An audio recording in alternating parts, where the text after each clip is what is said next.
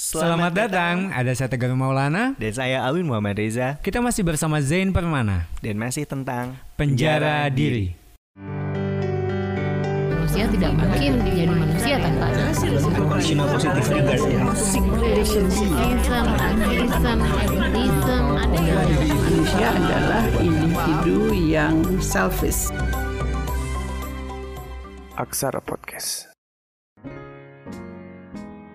Assalamualaikum warahmatullahi wabarakatuh. Waalaikumsalam warahmatullahi wabarakatuh. Semangat pagi. Semangat pagi. Kak. Merdeka. Merdeka. Masih Agustus. Masih Agustus. Makanya merah putih bajunya. Merah putih, Oke. ya kan? Yang pasti masih ada dia. Dan dia. Kamu siapa? saya siapa? Oke, saya Alwin dan di sini ada Tegar Kang Maulana. Tegar Maulana dan kita bakal ngebahas apa Kang hari ini? Eh, sebenarnya kita masih nyambung dengan pembahasan kita di podcast episode 1. Jadi nyambung lagi. Nyambung lagi. Belum kelar. Ah, belum kelar, kita. belum kelar. Jadi kalau uh, episode sebelumnya kita ngebahas apa nih kan?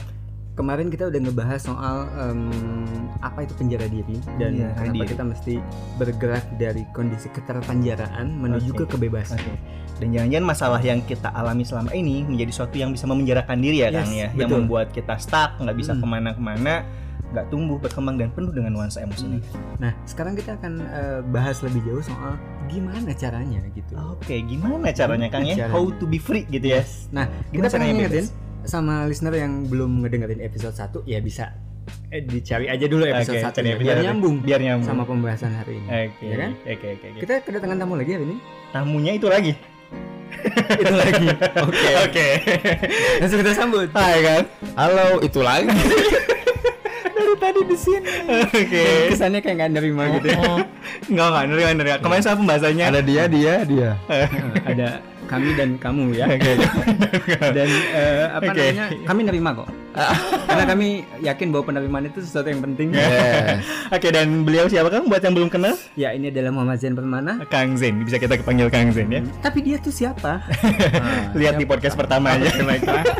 Oke, Kang Zen. By the way, apa kalau- kabar? Dulu. Alhamdulillah. Oh, pengen ditanya apa kabar, Iya, lupa. bener, ya. Iya, alhamdulillah baik. Baik. Itu, itu protapnya. Prototype. Cuman badan pegal-pegal abis nge-gym. Oh. Ajim. Iya, anjing. Tapi bukan Jimmy kan ya? Bukan. Cuman jimik doang. Jim beneran ya? Oke. Oke, ya Kang Zen. Episode sebelumnya kita ngebahas mengenai penjara diri. Apa itu penjara diri dan kenapa kita harus bebas dari penjara diri dan Yes. kenapa kalau kita terus terpenjara. Dan hari ini kita mungkin akan lebih berfokus ke gimana sih caranya kita bebas dari penjara diri. Bukan begitu Kang Ya, bahasanya kemarin adalah bagaimana memulai langkah untuk keluar dari penjara yang selama ini bikin kita stuck nggak ke mana-mana ya, dan untuk punya eh, kebebasan berekspresi, kebebasan eh, apa namanya? Beraktualisasi diri sampai ujungnya gitu loh. Nah, kemarin itu kan menarik ya. Kemarin itu sampai di posisi ini. Jadi kalau kita bisa keluar dari penjara diri, maka kita akan dengan mudah mendapatkan meaning atau Yes. makna dari apa-apa yang sedang kita lakukan. Betul. Yang meaning itu akan membuat kita mampu untuk apa kemarin ya lupa. Meaning itu Well-being. akan- Oke, meaning itu akan membuat kita well-being, bahagia. Ketika kita bahagia, nggak bisa bohong. Bahagia ini pasti nular, akan flourishing orang lain. Dan orang yang flourishing orang lain gampang naik kelas. Actualizing. Gampang ketemu sama orang lain dan bisa betul Win, bisa mengaktualisasikan dirinya dengan lebih mudah. Nah, tapi kan minggu eh bukan minggu lalu, pertanyaan di sesi yang lalu itu podcast lalu adalah gimana caranya? Hmm. Kan mentok di situ yang di podcast kemarin. Nah, di kali ini kita akan bahas caranya. Jadi cara pertama itu kita pakai analogi apa ya? Handphone kali ya. Handphone. Oke, Jadi kayaknya semua orang kita punya itu handphone. harus bisa notice, harus bisa sadar bahwa kayaknya ada yang salah dengan diri kita. Jadi langkah pertama itu adalah sadari. Oke. sadari. Oke. Kita harus aware, sadari gitu. notice. Notice. Bicara soal noti- notice berarti kan kita harus juga bisa memberikan respon yang tepat soal notifikasi yang datang. Ya, ya betul, betul. Nah, kadang-kadang kita nggak aware. Ngerasa sih? Ngerasa nggak sih? Maksudnya, iya, eh, iya, iya. Seringkali kita tuh dikasih sign ya, tapi kemudian kita mengabaikan itu. Ya, gitu it- itu yang wah itu yang ketika pertama kali beres survei terus penjara diri ini keluar terus dicek tentang 12 apa 12 hal yang mungkin bisa Iya, jadi iya. masuk dalam penjara diri itu netizen itu kayak yang kelepek-kelepek gitu ya. Gue banget itu. Eh, Padahal baru 12 ya. eh baru 12. Mungkin itu lebih banyak. Bisa lebih banyak dan Oke. oh berarti ini memang alamiah terjadi. Ya memang naturalnya orang tuh akan mengalami penjara-penjara ini. Dan yang menarik adalah gini, ketika kita luncurkan dan bilang bahwa ini tuh penjara diri, orang-orang baru sadar. baru ngeh seolah-olah si notifikasinya baru dinyalain Oke. jadi seolah-olah juga kemarin sebelum sebelumnya itu mereka men-silent handphonenya Oke. men-silent diri yang bisa jadi membuat mereka nggak ngerti dan bingung oh saya galau karena apa ya Oke. Hidup saya mungkin bahagia-bahagia aja, biasa-biasa aja, Oke. asik-asik aja, nongkrong seru. Tapi kok selalu ada silent moment di mana kok, ih emang gini gitu hidup seharusnya Hampa gitu. gitu Atau ya. misalnya Kehampaan, ngerasa sepi di betul. tengah keramaian gitu. Iya, Iya kan? iya, Iya, iya. betul. Nah, Nah, untuk bisa menjawab itu tuh gimana sih sebenarnya apa yang kita mesti lakukan? Ya tadi masalah awareness ini gitu. Berarti kan Orang yang orang yang terjebak dalam penjara diri memang sul- sulit buat aware karena ada fenomena namanya change blindness. change blindness. Change blindness, buta terhadap perubahan. Jadi contohnya gini, eh kita nggak ngeh dunia di sekitar kita berubah kalau kita fokus ke satu hal. Oke. Jadi kalau kita asik dan nyaman di satu hal, kita nggak ngeh bahwa orang lain berubah. Contohnya gini aja, Eh kita jadian sama B, saya jadian atau pacaran dengan B orang yang saya cintai. Oke. Ke mana-mana berdua terus sama B tanpa sadar, oh si, si C ternyata jauh lebih baik ya. kita nggak nyadar C itu berubah Oke. Iya. karena kita fokusnya ke B terus, Iya, jalan iya, iya, sama bener-bener. B, ngobrol sama B, ada change blindness. Fokus di satu hal, kita buta terhadap perubahan. Oke. Oke. Itu karena comfort zone bukan? Yes, itu karena comfort zone. Kita Oke. ada di zona nyaman. Ih, asik ya nongkrongnya, ya asik ya bergaul. Tapi di kita ada silent moment. Emang kita mau gini-gini aja ya? Terus sampai tiba-tiba loh, si A udah jadi ini, si B udah jadi itu. Kok kita masih gini-gini aja? Oke. Masih di sini-sini aja. Terpenjara itu namanya. Kembali ke Oke. definisi penjara. Tapi tadi ada satu kata yang menarik, comfort zone. Apakah orang yang terpenjara itu merasa nyaman dengan penjaranya? Padahal kan sudah tahu tidak nyaman gitu loh. Iya. Tapi kenapa dia masih gitu Nah, eh, berada dalam kondisi yang Maka keluar dari keluar dari penjara itu, keluar dari penjara itu memang seperti kita ngeset alarm. Ah. Ya kan kalau lagi tidur kan enak Oke, ya tidur. Tiba-tiba ada yang bikin nggak nyaman. Ini bunyi apa sih? Oh, Kling, iya, atau tenonet tenonet tenonet. Oh bisa jadi itu Terus kemudian asal pencet aja gitu ya. asal pencet. Nah itu yang nanti kita ada langkah keduanya. Oke. Tapi langkah pertama, oh si bunyi alarm itu membuat kita sadar bahwa harusnya kita wake up, Oke. bangun. Berarti kegalauan, rasa sedih, rasa gundah ini bisa menjadi sebagai alarm bahwa ada yang salah, ada yang harus diperbaiki, Ya, ada yang harus dibenahi betul. dalam hidup Yes. berarti. Hmm. Nah, Dan mungkin kaitannya dengan yang tadi, ketika kita nggak peka, kita nggak sampai ending di mana kita harusnya dapat jawaban soal kenapa Iya. kita galau, Oke. Heeh. soal kenapa kita susah move on Iya. gitu loh. Nah itu eh, apa namanya bikin jadi complicated karena jawabannya belum ketemu, tapi kemudian kita seolah-olah semuanya baik-baik aja gitu loh, pretending that everything's okay. Iya, ya itu. Jadi ketika kita nggak aware, nggak sadari, maka apa yang terjadi? Ya itu, kita ngerasa "Hmm, kayaknya nggak ada apa-apa deh. Orang lain Oke. juga nggak Oke, apa-apa. Oke, kita bungkus bahwa yang pertama adalah kita harus sadari. Sadari. ya kan Eh, apa namanya istilahnya adalah mengaktifkan eh, Notifikasi. notifikasi, Notifikasi nada diri. deringnya ya Ya, nada dering. nada deringnya ya oke analoginya handphone tadi ya oke next step Nah, untuk membuat kita aware, membuat kita sadari bahwa kita sedang berada di penjara diri, cara-caranya atau langkah kuncinya adalah yang pertama, kita keluar dari ki- diri kita. Lalu gimana caranya? Yaitu dengan cara menjadikan diri kita objek. Oke. Jadi contohnya gini, eh, kalau dalam satu hari terus tiba-tiba kita punya silent moment, punya me time, lalu me time ini, ih kok aku galau ya, kok tiba-tiba hampa ya, kok di tengah keramaian kayak gini lagi ketawa-ketawa, kok tiba-tiba aku ngerasa sepi dan mikirin diri sendiri. Nah di situ harusnya kita menjadikan diri kita sebagai objek, Oke. menjadikan diri kita sebagai objek seperti apa? Misalkan gini, eh, apa membuat refleksi diri? Apa sih yang terjadi kalau aku terus-terusan kayak gini? Hmm. apa yang akan terjadi kalau saya terus-terusan gini misalkan pulang pacaran nih pulang pacaran pulang pacaran ya pulang nongkrong sama pacar makan bareng di sebuah kafe bayar masing-masing kan ya Dulu gitu ya. bayar eh, kan dibayarin malu kan. oh ya. walaupun seringnya gitu Eh, bayar masing-masing terus pulang apa ya yang terjadi kalau tiap hari saya gini-gini aja oke Hmm. kira-kira hubungan ini akan mengarah ke mana Oke. Gitu.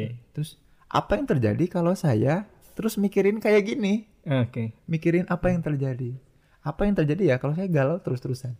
Nah, menjadikan diri sebagai objek itu tanda kita mulai membangun awareness. Langkah Oke. pertama itu itu. Oke. Berarti- Dan tadi jalannya lewat itu ya, Ya. apa namanya menyendiri, merenung gitu ya, itu bisa ya. butuh Ya. m- berkontemplasi istilahnya butuh merefleksi ke dalam diri dan artinya kita menjadi observer buat Ya, diri betul. kita sendiri Ya, Saya jadi inget kalau misalnya di eh, apa namanya panduan meditasi ya, itu pasti ada di kalimat awal bahwa jadilah seorang pengamat untuk diri anda sendiri. Itu memang penting ya. oke iya.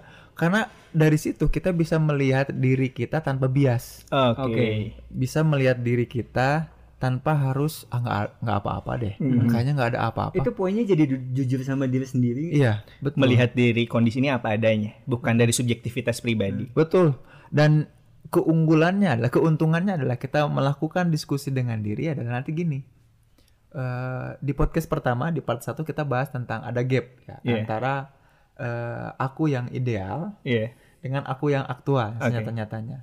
Nah, ketika kita mulai menjadikan aku sebagai objek, maka dua kedua-dua aku ini menjadi objek. Jadi kita sedang melihat dari luar. Hmm. Jadi ibaratnya kita lagi naik ke atas terus melihat keduanya si aku yang ideal sama si Oh, aku aktual ini Ideal dan aktual ini sedang ber- berada dalam kondisi yang seperti apa? Apakah dekat atau jauh? oke Nah dari situ kita jadi orang ketiga yang bisa ngomong kayak gini. Oke, aku ideal, kamu mau apa? Oke. Oke, aku aktual. Coba, kamu sedang sekarang sedang ada di mana? Itu yang Lagi dimaksud ngapain? eh, apa namanya ngobrol atau eh, komunikasi intrapersonal tuh kayak Iya, gitu ya. Komunikasi intrapersonal, komunikasi dalam diri itu seperti itu. Mhm. Ketika kita menjadi mak comblang, oke Atau jadi super admin deh kerennya ya.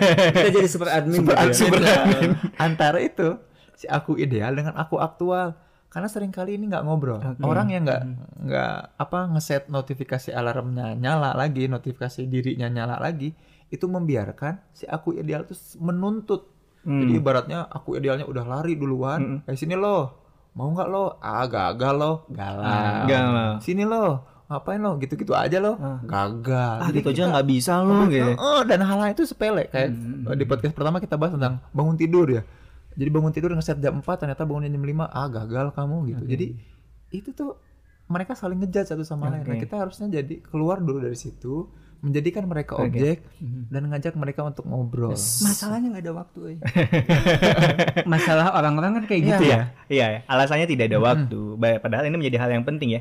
Untuk si self diri kita ini menjadi mediator, begat aktual dan ideal. Tapi gitu. itu nggak nggak makan waktu.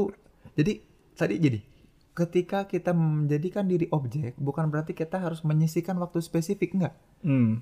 Bahkan ketika kita ingin melakukan sesuatu, menanyakan dan menjadikan diri objek itu juga bentuk self awareness, bentuk sadari. Contohnya gini, eh, mau beli makan ah, apa yang terjadi ya kalau saya makan yang pedes-pedes Hmm.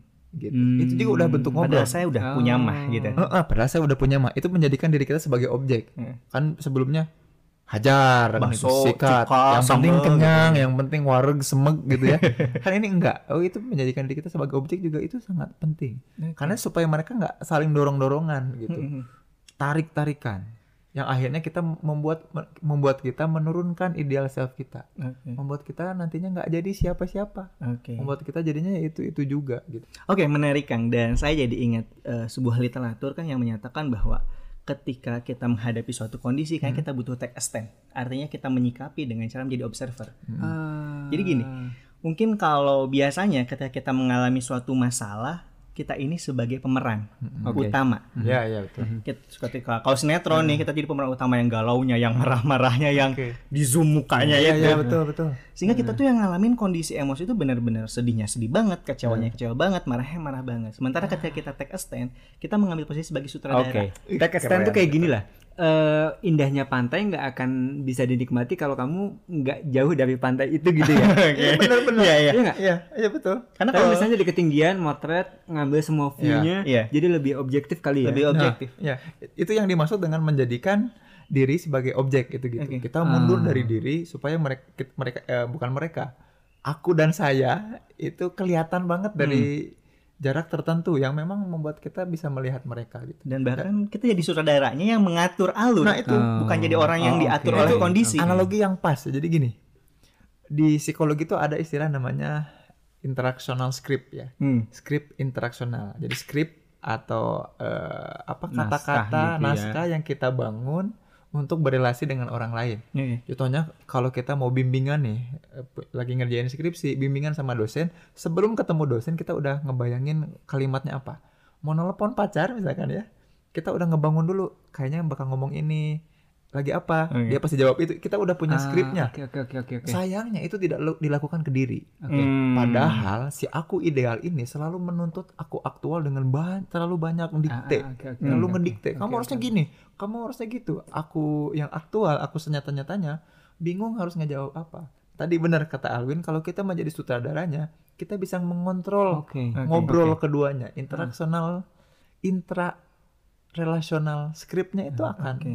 Enak. Dan banget mungkin bisa kaitannya ngobrol. dengan tadi kalau kita bikin skrip, kita bisa mengatur optimisme kita kali Oh ya. iya, iya itu banget, betul. Iya ya, misalnya contoh yang tadi nih, Iya. mau bimbingan nih, tapi di kepala kita adalah bahwa si bapaknya tuh eh, banyak proyek, Ya. akan susah ditemui, akan harus nunggu sekian jam Iya, untuk bisa betul. ketemu. Itu itu jadi jadi reality juga nanti. Ya jadi realitas dan nah sayangnya gitu kalau ke orang lain kita bisa ngeset skrip Iya, iya, itu enak Ah, banget kalau ke oke, orang lain oke. karena kita sedang berusaha jadi kata, kata Alvin tadi jadi pemeran utama Hmm. saya ngomong sama Kang Tegar Oke Kang Tegar nanya apa saya jawab apa Ah, pasti abis saya jawab ini pasti akan nanya Oke, itu eh. itu ada skrip enak ya oke, oke. tapi sayangnya orang suka luput sama obrolan di dalam diri Oke. nah jadinya ada fenomena lain yang membuat ini bias dan berbahaya Oh, iya. namanya itu self fulfilling prophecy self fulfill prophecy. Prophecy itu ramalan yang diwujudkan oleh diri sendiri. Jadi kalau si aku ideal bilang ah kamu sini dong deketin aku. Tek tek aku aktual naik mulai ngikutin ah lama gagal loh. Akhirnya kita jadi membuat diri kita gagal. Kita mewujudkan sendiri fulfill prophecy ramalan yang dibilang bahwa kita gagal. Jadi aku nggak bisa aku nggak sanggup Hmm. ah kayaknya bukan aku itu tuh membuat kita gagal Padahal itu yang ngomong diri sendiri diri ya. sendiri Jadi- karena membangun skrip yang salah. Jadi sebenarnya ketika kita berfokus sama satu hal sampai pada akhirnya kita akan mencoba mencari pembuktian-pembuktian Iya, yang membuktikan Iya. cara berpikir kita. Iya betul.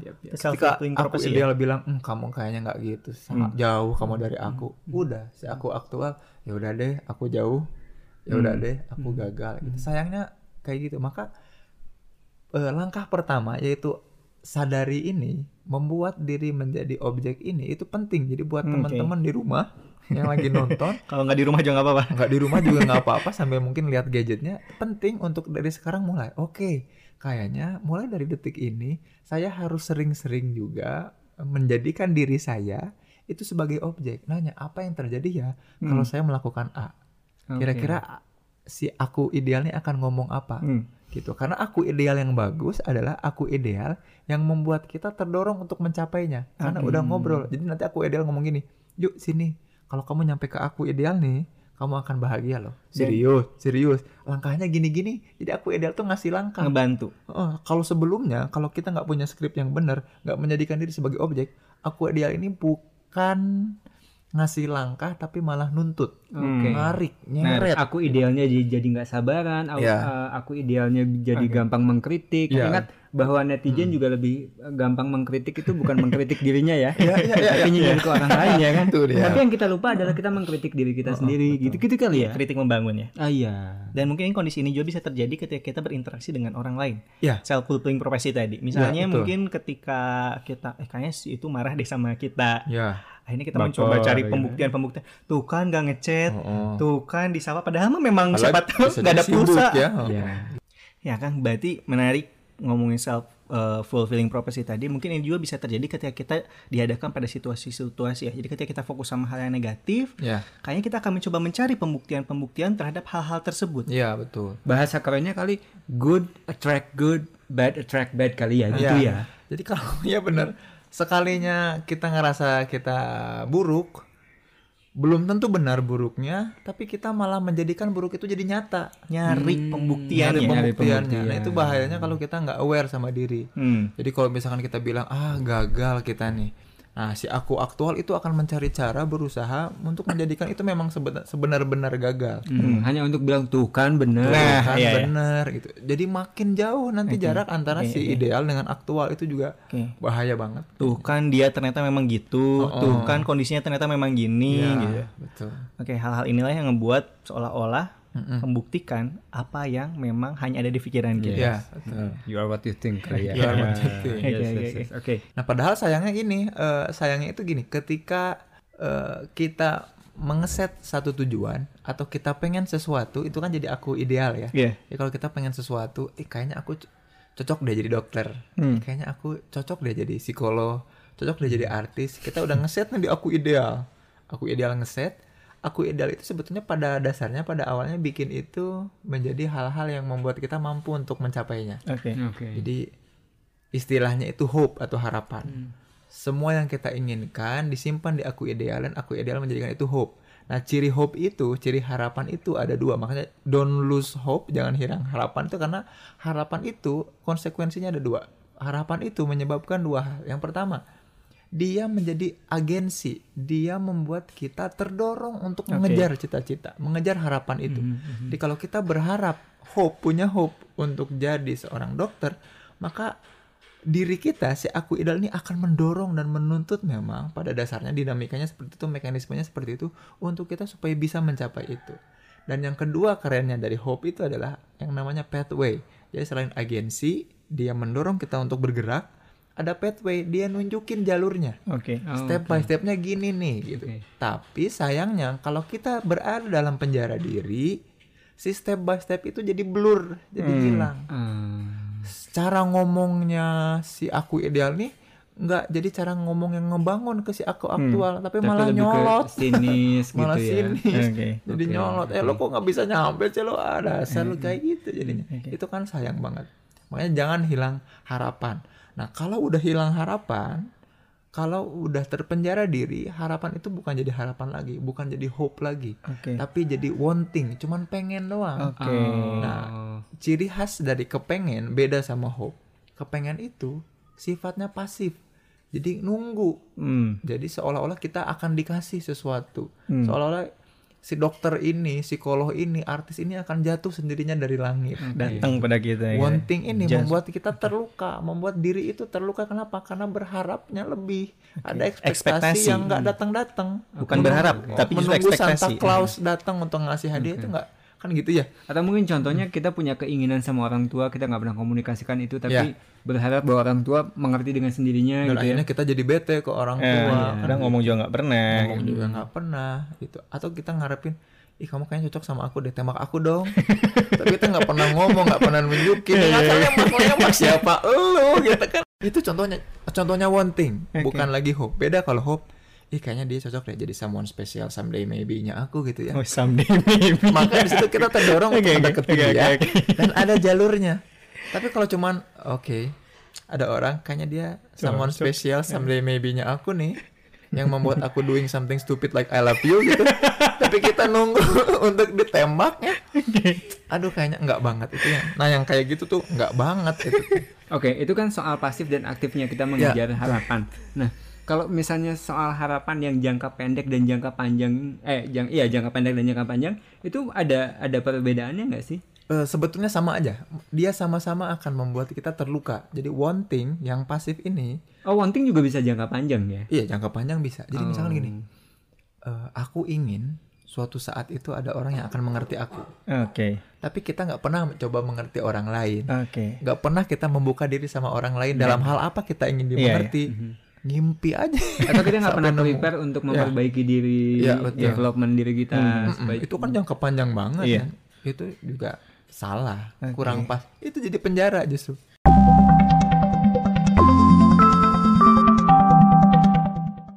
Oke, dan tadi menarik sih Kang. Dari ekspektasi pada akhirnya memunculkan wanting, keinginan dan wanting ini memunculkan luka alias Luka. wounding. Yes. Jadi ekspektasi, Wounding, oke. ekspektasi bisa menjadi wanting, wanting bisa menjadi wounding. ketika tidak terpenuhi. Ya, wounding itu betul. Ketika kita mengalami luka-luka karena ekspektasi dari wanting yang orang sebenarnya nggak ngeh kita pengen itu. Oh. Itu banyak loh di Instagram saya yang nanya gitu.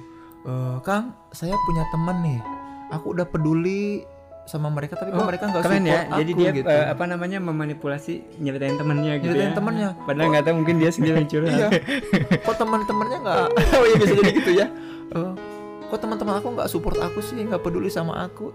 Lah emang kita pernah peduli sama teman-temannya nggak? Ah. kita sempet nanya nggak? Nah padahal kalau hope jadi gini kalau hope jadi gini kita ingin disupport sama teman kita. Kalau dia berbentuk hope maka eh, ingin disupport ini akan membuat kita datang ke teman Oke. bertanya apa kebutuhan teman dan Oke. akan mensupport teman Oke. Ngebangun interaksi yang positif. Membangun interaksi yang positif sama orang Dia lain. Kalau callback ke yang tadi mungkin ini kayak uh, karena dia sudah melihat bahwa diperlakukan seperti itu itu Ya. menyenangkan, ya, dia ya, ya, ya, melakukan betul. hal seperti itu kepada orang lain. ya Tapi pertanyaannya adalah itu akan resiprokal nggak sih ke kita?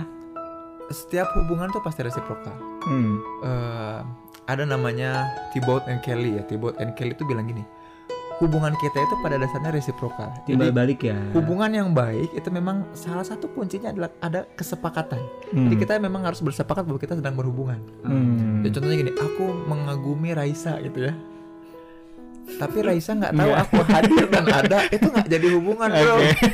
itu sakit, itu worship. Worship. Ya, Oke, cuman- jadinya worship. Ya, cuman mengidolakan aja. Oke. Dia nggak tahu bahwa aku eksis. Tapi kalau dia tahu aku ada, Kak Zen ini ya ya ada ya, gitu ya. Jadi kita saling punya hubungan, ada koneksi.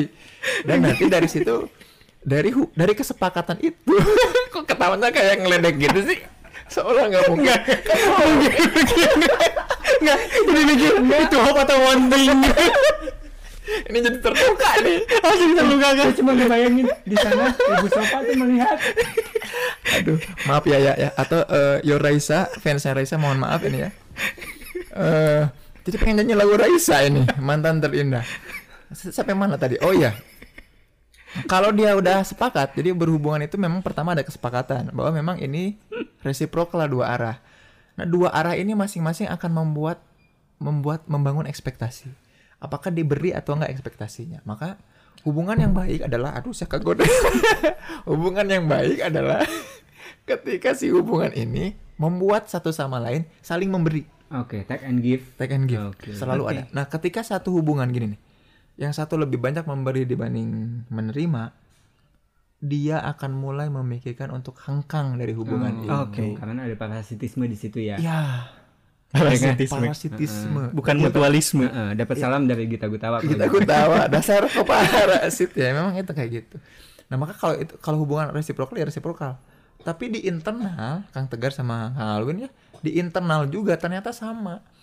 Aku ideal sama aku aktual tuh harusnya saling memberi. Oke. aku ideal ngasih agensi dan pathway aku aktual ngasih perlakuan-perlakuan yang membuat aku ideal itu tercapai Oke. Oke. itu juga harus Doing the bloody best gitu yes ya. Jadi Gitu. meskipun harus berdarah-darah, si Nah. idealnya tuh dikejar banget. Betul. Nah, maka di langkah pertama ini sadari kita berusaha gimana caranya supaya membangun eh, aku ideal dan aku aktual yang membuat kita akhirnya ngeh aware bahwa oh kita sedang ada dalam penjara dan kita harus keluar cepat-cepat dari penjara dengan cara apa? Betul menjadikan diri kita sebagai objek Oke. outputnya nanti apa? Jadi teman-teman nih semua yang lagi nonton memperhatikan outputnya adalah kita mampu untuk mengontrol perilaku-perilaku kita. Oke. Kita bisa meng- mampu mengontrol pikiran kita, mampu mengontrol perasaan kita, mampu mengontrol perilaku kita, dan mampu mengatur semuanya untuk meraih cita-cita. Menggunakan semua resource, full resource yang kita punya untuk nyampe ke tujuan. Namanya self-regulated. Oke. Kita udah meregulasi diri kita untuk bisa mencapai tujuan. Yang sebelumnya karena penjara TA si ideal dan aktual itu hanya berdebat kerjaan. Gitu. Itu output utamanya dari awareness itu. Dari awarenessnya Oke, itu. jadi nggak akan bisa move-nya itu karena memang masih ada yang belum selesai Belum ya selesai dengan- komponen-komponen di dalam dirinya kita gitu ya. Komponen-komponennya Dan- juga mengganggu banget. Iya, dan ketika kita mengobservasi ini kita tahu sebenarnya yang membuat kita galau ini bener nggak sih yang kita inginkan ini adalah hope atau sebenarnya cuman wanting. Karena hope tadi bis harusnya tercapai atau nggak tercapai menghasilkan emosi yang positif ya. Iya, betul. Karena ada pathway yang lain gitu. Ada pathway Tapi karena kalau wanting itu justru akan menimbulkan luka. Sehingga harus yang disadari adalah oh galau, oh luka. Yang saya inginkan ini harapan atau wanting ya. Nah, mungkin di situ ya. Ya, betul. Jadi tadi eh wanting dan hope ini jadi ketika penjara dirinya sudah selesai karena kita sudah aware menjadikan diri kita sebagai objek, kita bisa mengontrol perilaku kita dan kita nggak akan mungkin lagi kayaknya udah nggak mungkin lagi peluangnya kecil sekali untuk ada galau-galau lagi Oke. karena kita bisa mengontrol pikiran galau Dan itu tadi karena ada pathway ya. Karena ada Kenapa kemudian pathway ini bisa jadi kayak eh, penyembuh luka dengan cepat gitu loh. Ya. Ketika si hope itu kemudian tidak tercapai misalnya gitu. dia dia menjadi penyembuh luka karena dunia yang bisa diprediksi terutama langkah-langkahnya membuat kita bahagia Oke. Oh, jadi lebih menghargai proses dibanding Iya. resultnya sendiri dan gitu memang ya. udah udah jelas gitu kan E, bayangkan kalau kita diminta untuk datang ke sebuah tempat yang kita sama sekali nggak tahu daerahnya itu kan gelisahnya padahal belum berangkat Iya. tapi kalau kita udah buka maps lalu kita tahu ada jalannya ke sini ke sana ada macet di sini macet di sana Kita Entah siap. kenapa kita siap dan akan lebih bahagia kita udah prepare untuk itu Oke. diri kita jadi lebih matang ideal dan aktualnya jadi Oke. kecil gapnya dan pribadi kita jadi lebih Oke. matang Jadi bahkan ketika si ideal ini meminta diri mengajak si aktualnya, yuk datang ke saya, bukan bahagia ketika sampai, tapi dalam prosesnya dalam kita prosesnya bisa bahagia. setinggi apa pun ideal men-set diri aku mau jadi presiden misalkan presiden Uganda Selatan ya atau presiden Zimbabwe ini nggak mungkin ini kan saya orang Indonesia tapi karena pathway-nya jelas jalur-jalurnya jelas oh bisa Oke. Oke. Oke. Dan dari i- dari eh, aktual ke ideal itu juga penting untuk kita tahu mapnya akan seperti apa, Iya, iya. medannya seperti apa, Iya. belok-belokannya akan termasuk godaan-godaan di pinggir jalan mungkin ya. Dan mungkin ini hanya disebut dengan condis- unconditional positive regard ya. Apa Jadi unconditional positive se- self positive self regard. Jadi artinya kita menghargai diri kita oh iya tanpa Iya, iya, iya. mengkondisikan tanpa apa pun, syarat tanpa ya. syarat. Iya, jadi iya, kita iya. "Eh, kamu aduh kamu tuh harusnya gini kalau gitu itu kan Iya. contoh Haha. unconditional positive jadi kita menerima kita apa adanya Apa adanya. Jadi mau kita jatuh, mau kita eh, jalan dengan eh, baik dan benar gitu ya. Ini prosesnya gitu. proses gitu. Ya. Jadi memang jangan conditional tapi justru unconditional, jangan mensyaratkan sesuatu Jangan untuk berbahagia. mensyaratkan Oke, ya. oke. Dan kita akan selalu bisa kasih reward ketika apa apa pun hasilnya gitu Iya. dari proses yang kita lakukan. Nah, kalau misalnya kita tarik lagi secara lebih umum nih menghargai proses itu sebetulnya apa sih eh, dan apa apa benefitnya buat kita gitu? Oke. Benefit ah, itu pas banget pertanyaannya. Jadi di langkah pertama kita bahas tentang awareness bahwa bagaimana caranya supaya kita bisa keluar dari penjara diri. Langkah pertama adalah dengan punya kesadaran aja dulu. Punya awareness.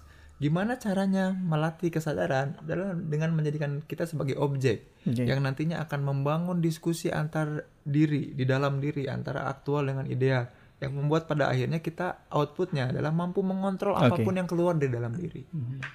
Nah, masalahnya adalah selanjutnya eh, teknik-teknik pengontrolan ini kadang-kadang yang namanya sadar ya. Orang yang sadar akhirnya juga ngeh bahwa yang terjadi dalam diri itu be- sebetulnya nggak bagus, nggak sempurna dan nggak ideal. Jadi kalau langkah pertama sudah sadar, se- seperti kayak gini. Kita pakai analogi tadi tidur kan enak banget ya mimpi itu begitu indah. Tapi ketika dibangunkan kita sadar ah ternyata tadi cuma mimpi. Biasanya ketika kita udah aware dan sadar maka yang terjadi kekecewaan. Oke. Ih, ternyata kayak gini ya dunia yang sebenarnya gitu ya. Oke. Nah, maka langkah kedua sekarang masuk ke situ menghargai proses. Langkah kedua adalah dengan menerima acceptance. Jadi langkah pertama awareness, sadari. Langkah kedua ya akui, terima Terima. bahwa oh diri ini, dunia ini dengan segala konsekuensinya yang menjadikan jati diri saya apa adanya. Hmm. Oh inilah saya apa adanya. Oh kalaupun ternyata harus ada proses yang saya lalui, ya ini bagian dari hidup saya. Oh, Yang selama ini terjadi netizen netizen nih terutama atau banyak orang ya eh, IG, karyawan, IG kids terutama gitu ya. Iya. Anak-anak IG. anak-anak IG, IG kids. atau juga para karyawan banyak Iya. yang orang-orang yang berhubungan dengan millennials yang dulunya masih generation X gitu ya atau Y generation itu bilang bahwa hmm kayaknya ya kok kayak gini sih dunia sekarang gitu. Ya memang bisa jadi belum sadar dan oh baru sadar. Maka tugasnya sekarang adalah menerima dengan konsekuensi apa? Ada langkah-langkah yang memang harus kita lakukan. Oke. bisa jadi ya memang nggak instan segala sesuatu. Jadi bukan berarti setelah sadar itu bukan berarti setelah sadar itu kita langsung oke aku keluar dari penjara dulu. Belum. Hmm. ada langkah selanjutnya yang lebih berat dari itu adalah mengakui, Mengakui. Oke. menerima bahwa harus ada langkah-langkah nyata yang dilakukan untuk betul-betul keluar dari penjara. Oke. Jadi ketika kita sadar, wah aku ada di penjara nih, Terus oke cara doang kan nggak membuat kita keluar dari penjara. oke. Kita harus bisa nerima. Ya harusnya memang kita harus langkah. Oke. Dan ngomongin soal eh, menerima diri apa adanya, itu kadang-kadang juga melalui satu proses yang Iya. berdarah-darah ya. Iya, Eh, betul. kalau misalnya ada hal yang kita terus-terusan deny, Hmm. Itu dia sudah sadar tapi bisa jadi dia belum belum melakukan Nerima. apa-apa karena masih deny gitu Ya, ya. ya, betul. Belum masih deny dan belum melakukan apa-apa di penerimaan ini ya makanya itu proses selanjutnya yang akan kita bahas. Jadi terutama gini. Langkah kedua ini adalah ketika orang berusaha untuk menerima dan mengakui bahwa oh memang iya Oke. betul. Ternyata kenyataan tidak sesuai harapan. Aku udah bisa mengontrol pikiran, perasaan dan pendapat saya sehingga oke kayaknya aku harus melakukan sesuatu. Nah, bagaimana cara memulainya atau bagaimana cara untuk kita supaya bisa menerima? Yang pertama kita harus betul-betul eh, dibuka list tentang diri kita. Jadi persepsi kita tentang diri kita itu seperti apa? Dan itu betul-betul harus fair ya. Kalau memang banyak positifnya bagus, tapi kalaupun banyak negatifnya, it's okay nggak apa-apa. Kita sebut aja misalnya gini, atribut diri saya apa? Jadi teman-teman yang di rumah tinggal ngelis aja kira-kira apa yang mencerminkan diri saya banget. Ya atau misalnya gini, sebutkan 10 hal yang lu banget, yang gue banget. Kalau saya misalkan, saya pinter misalkan, cakep, ya. tapi sombong dan lebay. Jadi ada empat, misalkan ada empat atribut, dua ini positif, dua lagi negatif. Menurut diri kita kan? Jadi kita, ini kita harus nerima itu. Dan harusnya prosesnya bisa lebih gampang karena kita tidak dituntut. Kita yang yang ya, me- ya. menantang diri kita sendiri untuk Ya. menuliskan positif kita apa, negatif Dan kita kalau apa. kita sudah melewati proses sadar, harusnya kita udah aware akan obrolan itu antara aktual dan ideal, oke. oh, akan obrolan ini. Nah, tugas kita selanjutnya adalah mengcounter nih. Kalau yang positif, oke, gimana dia bisa bertahan Atau dalam meningkat. kondisi apa dia bertahan atau meningkatkannya seperti apa. Tapi kalau sudah cenderung negatif, maka harus kita counter. Kira-kira cari lima kalimat positif, kenapa ini tuh sebenarnya bukan masalah. Contohnya misalnya gini tadi, saya sombong nih, atau saya lebay nih. Oke, cari lima hal kenapa lebay ini bukan masalah buat kita. Hmm. Kayaknya ini bukan lebay teh, tapi ini karena kepedulian saya yang besar akan sesuatu, karena energi saya yang besar akan sesuatu, sehingga saya mengontrolnya itu masih harus dilatih supaya orang nggak anggap itu Balik lagi ke bagaimana mengendalikan Iya, ya. meregulasi diri tadi. beres kan Iya. disadari Iya. gitu. Maka diakui ini ya memang harus menerima yang Oke. betul-betul kita. Nah, kadang orang baru sadar ngelangkah untuk apa namanya nge-breakdown lagi diri eh, apa namanya membuat diri ini betul-betul diri kita apa adanya itu agak susah di situ. Oke oke oke. Jadi menarik karena sebetulnya kita harus bergerak ke arah kebebasan itu karena kita eh, sayang sama diri Iya, kita. sama diri kita. Tapi jadi lebih susah karena kita bahkan kenal aja belum.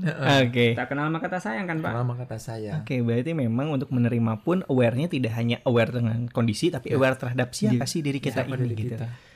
Nah, itu juga yang susah tuh justru di situ ya ketika kita mulai gimana ya caranya supaya nah karena atribut-atribut yang kita tunjukkan tadi walaupun persepsi diri kita itu yang mendefinisikan siapa kita. Hmm. Itulah yang disebut dengan konsep diri kita. Hmm. Jadi kita punya konsep, punya gambaran, punya pendapat tentang siapa diri kita. Kalau saya bilang saya pinter, saya pemalu, misalnya teman-teman ada yang pemalu, Kayak saya saya kayaknya malu-maluin misalnya kalau Alwin ya kan kalau pemalu, kalau Alwin malu-maluin. Itu tuh bagaimana cara kita mendivine kita. Nah, di antara banyak atribut yang paling menonjol itu yang mana? Satu misalkan tadi ya yang pemalu itu. Kalau pemalu ini yang paling menonjol, ini jadi skema dalam hidup kita. kita bergerak itu pakai skema pemalu. Oke. Maka kita harus ngobrol lagi, kita harus akui itu dan gimana caranya pemalu ini jadi Keuntungan. jadi kita. keuntungan. Pemalu ini jadi ap- istilahnya apa ya? Leveraging, pengungkit. Oke. Yang jadi pengungkit kita untuk step by step kita untuk mencapai apa-apa yang ada di aku ideal. Nah, ini yang memang jadi tantangan di fase atau di tahap di langkah kedua namanya Menerima. akui dan menerima. Oke, jadi kalau artinya menerima ini menjadi proses tadi untuk step awal untuk melangkah menuju suatu perubahan ya. Kang ya. Dan menarik kemarin juga saya sempat baca beberapa studi literatur bahwa ternyata yang namanya si acceptance ini, yang namanya menerima ini, memang secara empiris bisa menjadi awal buat seseorang memotivasi berubah, Ya, mengubah suatu kondisi. Itu kenapa mungkin karena tadi kalau udah menerima emosinya jadi positif ya Kang ya. Iya, betul. Jadi emosi jadi gini, ketika kita bilang pemalu kan konotasinya negatif. ya. tapi saya pemalu, maka saya malu kalau nggak nyapa duluan. Jadi Oh, positif. Oke. Saya pemalu, maka saya malu kalau nggak ngasih duluan. Ah, Jadi oke. positif. Saya pemalu, maka saya malu kalau datang ke kelas itu tanpa persiapan. Oh. Saya malu kalau datang ke presentasi, bertemu klien tuh nggak dalam keadaan rapi. Itu malu-malu yang betul kata Alwin.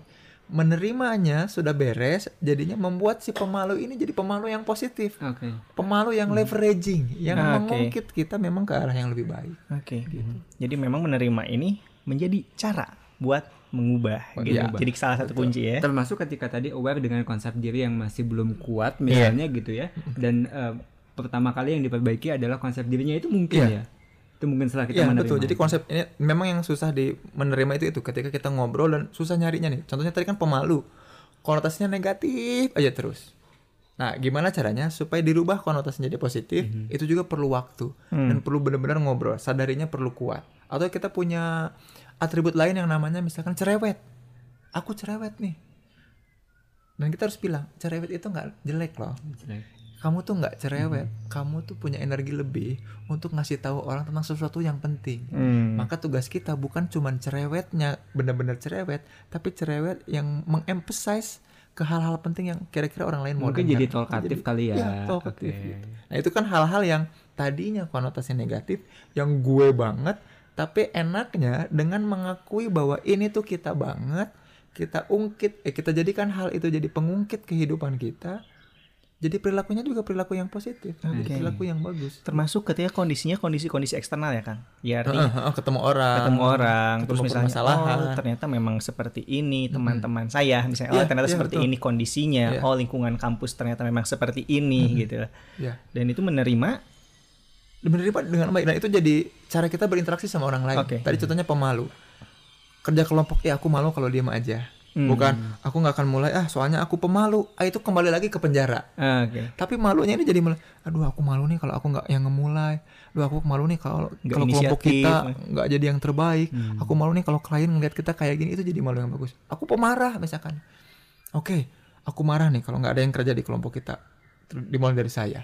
Aku marah nih kalau klien masih tidak berubah karena aku yang aku lakukan ke klien itu kan jadi hal-hal yang bagus. Ini kayak gimana caranya kita merecycle eh, kondisi-kondisi negatif yang yang Iya, belum iya. ideal itu menjadi lebih apa namanya produktif, Produktif, ya betul. buat kita ya. oke oke oke Itu yang serunya di aku itu. Ini yang susah sebetulnya. Bedanya disadari dan diakui ini, disadari itu prosesnya internal dalam diri, menyendiri juga bisa.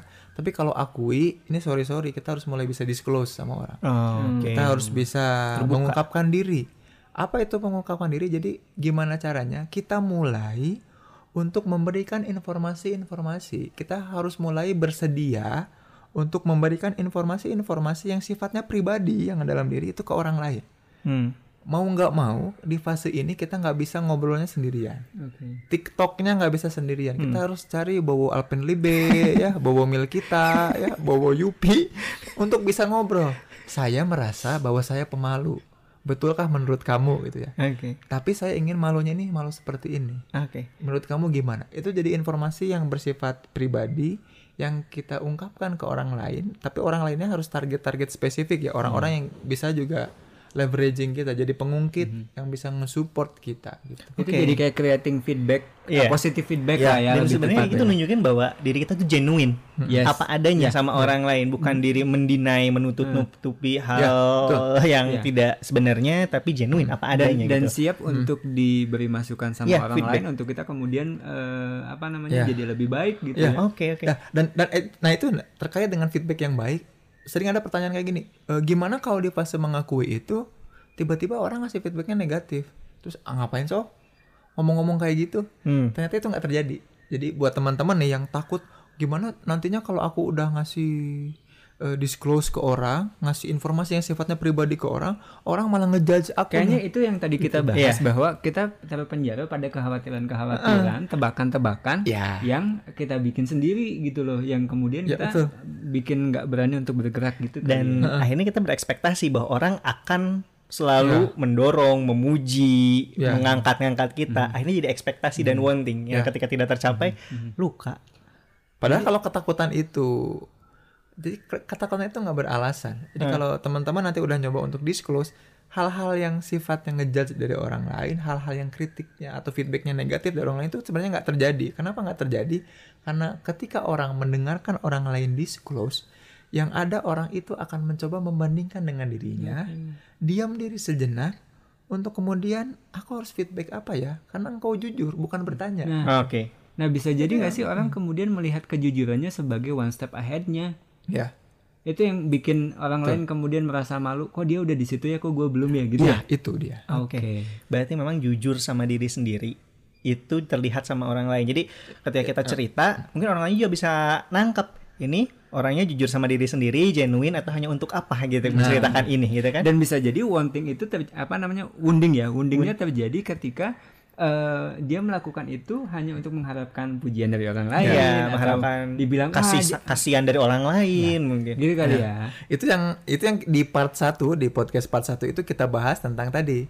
Dapat meaning karena kita udah sadar, terus juga dapat well-being karena kita bisa mengakui dalam diri siapa diri kita dan flourishing ketika kita disclose ke orang, ketika kita ketika kita ngomong ke orang tentang siapa diri kita, orang jadi loh kok hebat ya, lu bisa mengakui diri pemalu, tapi pemalunya ini kok bikin lo tuh se- seorang yang berbeda gitu. Hmm. Tiba-tiba Jadi kegantengannya flourishing naik sekian persen. naik gitu. sekian persen gitu. Padahal jerawat nambah dua misalkan, tapi kok Tapi jujur gitu. tapi nggak mengurangi glowingnya. Glowingnya. Oke. Gitu. Jerawatnya bikin glowing. Jadi nggak usah pakai anti akne, antioksidan dan lain itu juga. Karena si flourishing tadi mungkin Ya. salah satu bentuknya adalah juga menginspired Iya. orang ya. Oke. Orang jadi terinspirasi. Inspirasi in itu masuk spirit itu semangat. Oke. Jadi masuk ke dalam dirinya semangat semangat yang sebelumnya nggak ada. Jadi aku pemalu nih. Hah? Oke.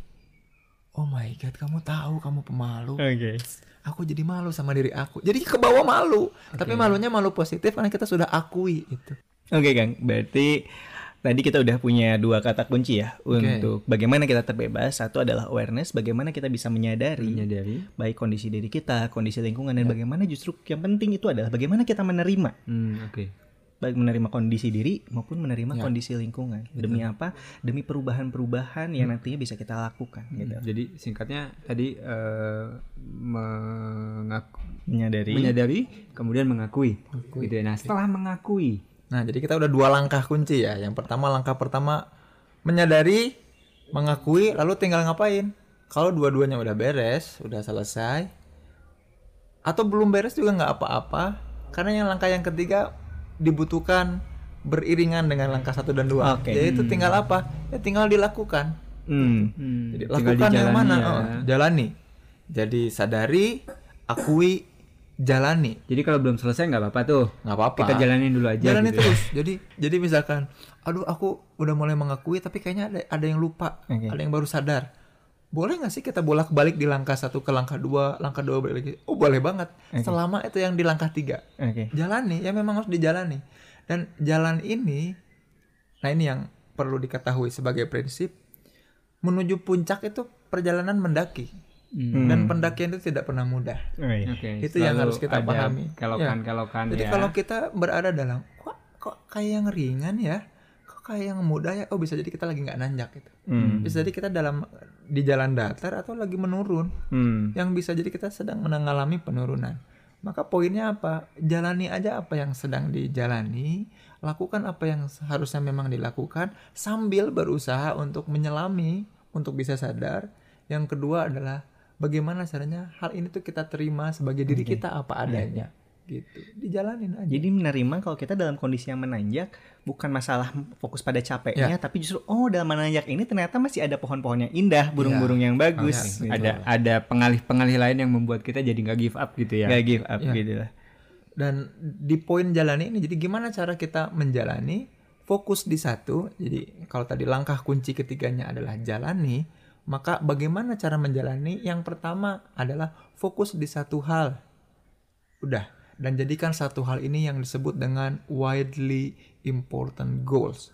Contohnya gini, kalau kita lagi fokus di bangun tidur supaya bangun tidurnya cepat dan tepat jam 4, fokus aja dulu situ sisanya yang lainnya anggap aja whirlwind jadi pusaran angin jadi jangan sampai kita beralih ke mana-mana fokus di satu hal aja dulu sampai itu selesai dan konsisten maka udah di situ aja. Konsisten Baru ini jadi berlanjut. kayak semacam eh, kalau tadi contohnya adalah bangun sampai dia jadi kebiasaan, jadi kebiasaan. gitu ya Ah, sampai dia jadi otomat automatically otomatis gitu. Hmm. jadi bahkan sebelum alarm bunyi kita udah oke dismiss gitu. Nggak usah kita nggak usah snooze ya. Oh, nggak usah snooze. Berulang-ulang. Dan menariknya kalau kita lihat pembahasan pertama yang kemarin Kang Zen sempat bicara tentang action, create, emotion. emotion Oke, jadi bagaimana untuk eh, bisa beremosi positif juga lakukanlah hal-hal yang positif. Ya. Atau untuk bisa menjaga emosi ketika tadi kita uh, menyadari dan me- Menerima. menerima, mengakui ya, eh, kita harus tetap create uh, emotionnya lewat. nah makanya poin poin jalani ini memang bentuknya harus aksi Ah. Jadi bukan lagi kalau tadi kan eh, poin langkah satu dan langkah dua itu agak banyak di porsi refleksi, Iya. Hmm. agak banyak di porsi diskusi. Statis kali ya. ya, Oh, lebih statis. Jadi kalau yang sadari itu refleksi yang lebih banyak. Kalau porsi dua diskusi kan ada disclose dengan orang lain. Porsi tiga ini udah nggak usah banyak ngomong, langsung take action. Langkahnya ada aksinya, ada indikatornya, harus jelas. Jadi kalau eh, seperti apa sih tanda bahwa kita sedang ada di fase jalani bisa direkam, bisa divideokan. Kita tahu apa yang sedang kita jalankan gitu. Itu yang fase jalani. Jadi langkahnya pertama eh, caranya tadi pertama adalah dengan konsisten aja dulu. Setelah konsisten ngapain? Pastikan bahwa kita tetap berada dalam pondasi-pondasi yang awal. Jadi misalkan bangun tidur oke, terus baru lanjut ke yang kedua. Terus ada yang ketiga. Iya. Terus dan kita akan jadi orang yang udah jadi berbeda. Oke. Dan nanti tinggal ngecek aja kalau teman-teman nanti udah ngejalanin itu sesuatu akan terjadi. Pasti ada yang berubah pada diri Oke. kita. Jadi untuk mengubah suatu tadi kondisi emosi maupun kondisi pikiran yang Ya. negatif, yang kondisi emosi yang juga fluktuatif, mungkin juga aksinya harus ada ya Kang ya. Ya. Cuman kan kadang ada orang yang bertanya, kok tetap susah ya aksinya? Aku tahu harus beraksi, aku harus, aku mencoba untuk menerima, aku coba sudah menyadari, tapi kok ini nggak bisa gerak-gerak, aku terus mengurung diri, aku terus gini-gini aja gitu loh. Itu apa yang eh, apa yang eh, terjadi sebetulnya? Apakah ada part lain yang harusnya sudah selesai Oke. itu belum? Seharusnya kalau disadari dan eh, akuinya sudah tuntas, Hmm. jalankannya mudah, jalaninya mudah. Jadi kalau misalnya gini, ketika kok aku nggak bisa jalan juga ya, Oke. oh berarti ada yang masih miss Oke, jangan-jangan belum nerima, atau belum ada yang belum belum disadari. sadari. Oke. Aku udah semua nih, tapi kok nggak jalan ya? Kayaknya ada yang belum disadari bahwa ada sesuatu yang masih menjadi Oke. penjara diri. Penjara diri. Nah itu yang bahaya dan tadi betul memang action creates emotion itu motion creates emotion itu ketika kita berlaku mengerjakan emosi kita pasti berubah. Hmm. Kalau nggak berubah juga kita akan sadar sesuatu akhirnya balik ke fase kesadaran. Bisa nggak sih kemudian apa mungkin nggak seseorang kemudian sadar bahwa dia punya penjara diri yang lain gitu Iya, loh? ya, dan itu bagusnya. Ah, Dan memang selama sepanjang hidup kita kita akan terus-terusan nemu itu. Oke. Naik level kan akan nemu misalnya gini. eh, ini buat yang karyawan terutama. Oh saya masih karyawan biasa akan nemu penjara diri nggak bisa ngomong ke atasan. Udah jadi supervisor ada penjara diri lain. Gimana cara ngungkapin itu ke bawahan? Oke. Terus-terusan naik level. Jadi ketika kita nemu penjara diri baru, bukan berarti oh selama ini kita banyak penjara. Oh memang jadi bisa jadi kita levelnya beda. Oke. Tiap level kehidupan ada penjaranya. Oke. Yang bahaya itu kita nggak ke mana-mana karena Iya. nggak naik-naik. Oke. Bisa jadi level kehidupan. Jadi setiap kita naik, situ ada jebakan. Apakah kita terpenjara Ah. dalam jebakan itu atau Iya, enggak? Kan betul. itu yang penting. Yes. Oke. Betul banget. Yang terpenting adalah bagaimana kita keluar dari satu penjara, jangan masuk lagi ke penjara itu gitu Iya, ya. betul. Karena eh, kalau tadi yang saya tangkap sebuah keniscayaan bahwa keluar dari penjara yang satu kita masuk ke penjara yang lain. Penjara lain, gitu iya. Jadi kata kuncinya jangan masuk ke penjara yang sama kan Ya, gitu ya, ya. betul. Jangan masuk ke penjara yang sama. Oke. Karena itu udah sebetulnya udah habis di situ, udah selesai. Harusnya kita udah langsung naik lagi, Hmm. naik lagi. Oke Kang, berarti kalau sudah sampai pada level berikutnya, bahkan mungkin bisa jadi kita tidak akan terpenjara lagi ya. Eh, itu belum tentu. Oh belum tentu. Jadi langkah-langkah ini kita lakukan supaya kita keluar dari penjara. Oke. Ketika kita bebas dari penjara diri yang satu, maka akan memudahkan kita untuk achieve something, Oke. untuk meningkatkan kualitas hidup kita. Tapi setiap naik level kehidupan, maka akan ada jebakan-jebakan nih, ada ancaman-ancaman yang membuat kita kemungkinan juga bisa masuk lagi ke penjara. Oke. Dicirikan di eh, podcast part 1 ya, di mana penjara itu ketika kita stuck kembali ke situ-situ lagi di Oke. masalah-masalah itu lagi. Nah, kita akan naik kelas, tapi kita akan dapat masalah baru, masalah yang lebih kompleks, eh, lebih membuat kita berpikir lebih keras. Dan kalau kita stuck di situ, kita ke penjara lagi. Oke. Maka caranya gimana? Balik lagi ke langkah-langkah kunci tadi. Maka setiap naik tingkat, setiap naik tingkat, ya tadi makanya prinsip di langkah kunci ketiga jalani ini adalah yang tadi perjalanan ke puncak itu memang mendaki dan pendakian itu nggak pernah mudah. Oke. Justru kita harus hati-hati ketika ini mulai mudah.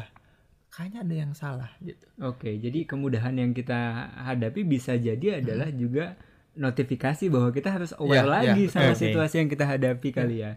Dan kalau eh, kan kita udah lepas dari Piala Dunia ya. Dari Piala Dunia saya belajar gini.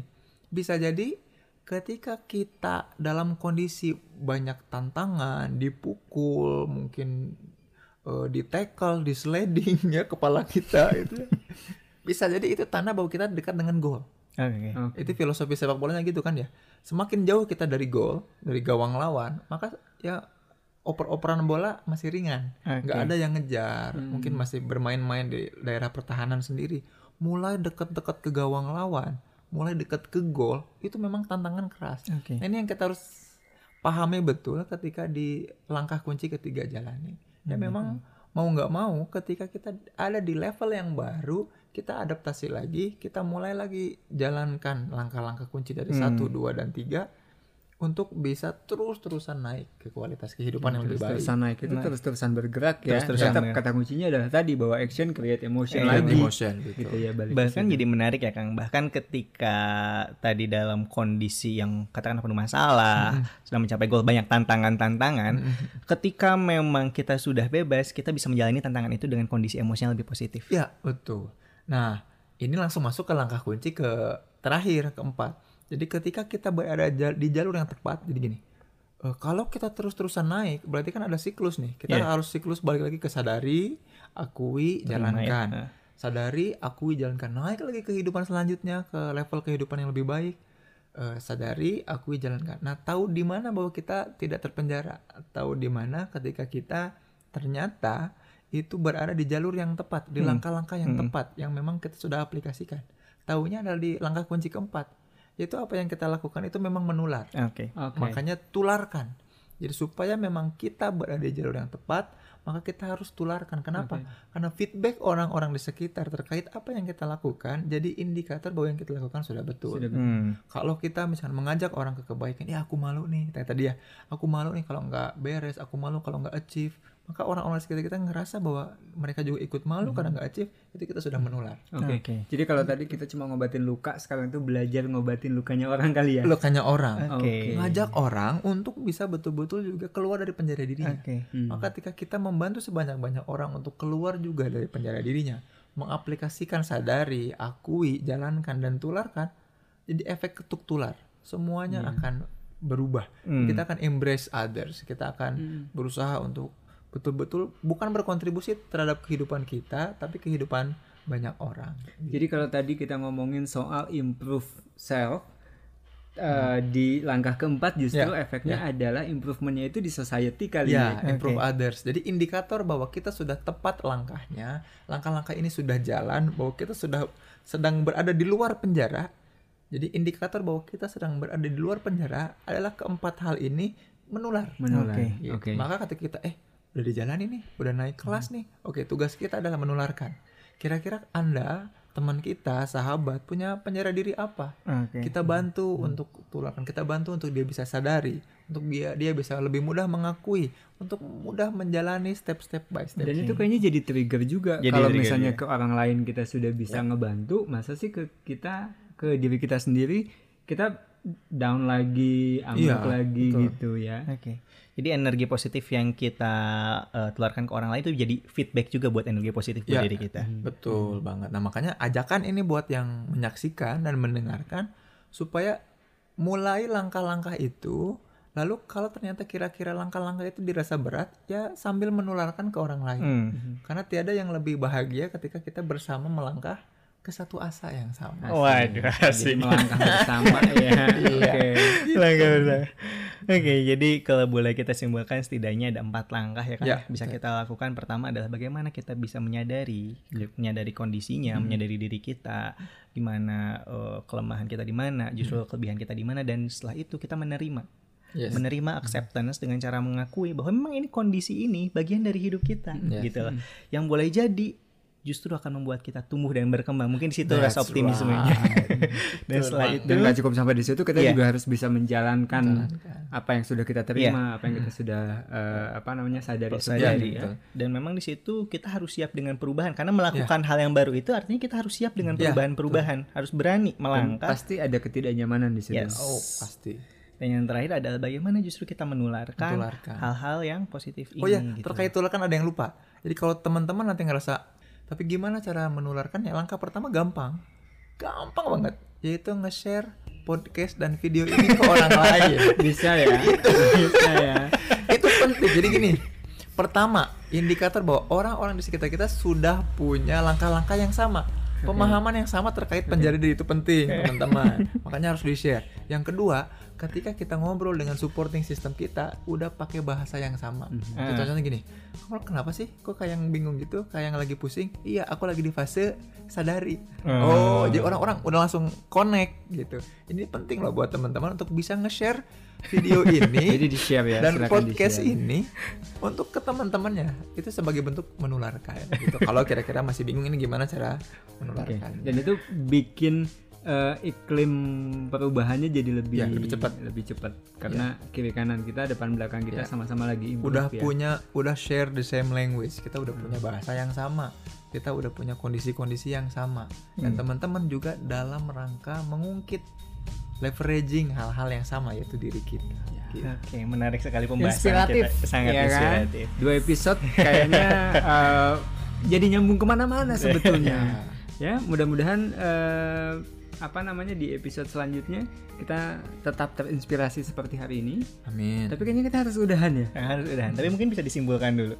yep silakan Di bulan Agustus ini di 73 tahun merdekanya Indonesia, memang tantangannya akan banyak ya. Jadi ketika tantangan merdeka simboliknya tahun 45 kemerdekaan atau kedaulatan secara fisik ya di mana bangsa ini tidak akui sebagai negara.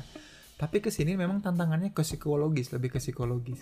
Yang paling berat tantangannya kita adalah menjadikan eh, hal-hal yang ada dalam diri kita, resource-resource dalam diri kita itu bukan penjara, melainkan hal-hal yang justru membantu kita mengungkit kita untuk sampai ke tujuan yang memang kita cita-citakan sedari awal. memerdekakan Nah, justru ya. memerdekakan gitu. Jadi poin penting teman-teman semua yang mendengarkan juga menonton harus mulai bisa dengan langkah-langkah kunci yang disebutkan empat itu keluar dari penjaranya, mengajak sebanyak mungkin orang untuk keluar juga dari penjaranya dan menjadikan bangsa ini bangsa-bangsa atau orang-orang yang merdeka, yaitu orang-orang yang sudah terlepas dari penjara diri. Menarik sekali. Jadi bagaimanapun untuk membangun bangsa yang merdeka ini pun dimulai dari individu-individu yang Yes. merdeka. dan individunya harus bisa member get member ya ya, ya kan supaya makin banyak orang yang merdeka Iya, ya betul, kan iya. Iya. Tular. oke Oke Kang, menarik sekali pembahasan kita mengenai penjara diri. Mudah-mudahan ini bisa memberikan inspirasi buat siapa pun yang mendengar, menyaksikan dan menonton. Dan terlebih lagi semoga kita diberikan kemampuan dan keberanian ya untuk bisa menyadari, menerima, lalu melakukan suatu perubahan sampai akhirnya kita bisa menular. Yes. Kang Zen terima kasih banyak Sama-sama. mudah-mudahan di lain episode kita bisa ketemu lagi Thank you. Jangan kapok ya Kang ya. Walaupun bilang tamunya nanti ini lagi ini lagi. Oke, kayaknya kita harus close uh, episode uh, hari ini. Oke. Terima kasih untuk semuanya yang sudah mendengarkan. Uh, mudah-mudahan bisa menginspirasi dan juga memberikan uh, dampak positif, ya makna ya. Dan uh, Mari kita bebaskan diri kita dari penjara diri kita masing-masing. yes. Dan sampai ketemu di podcast episode selanjutnya. Thank you.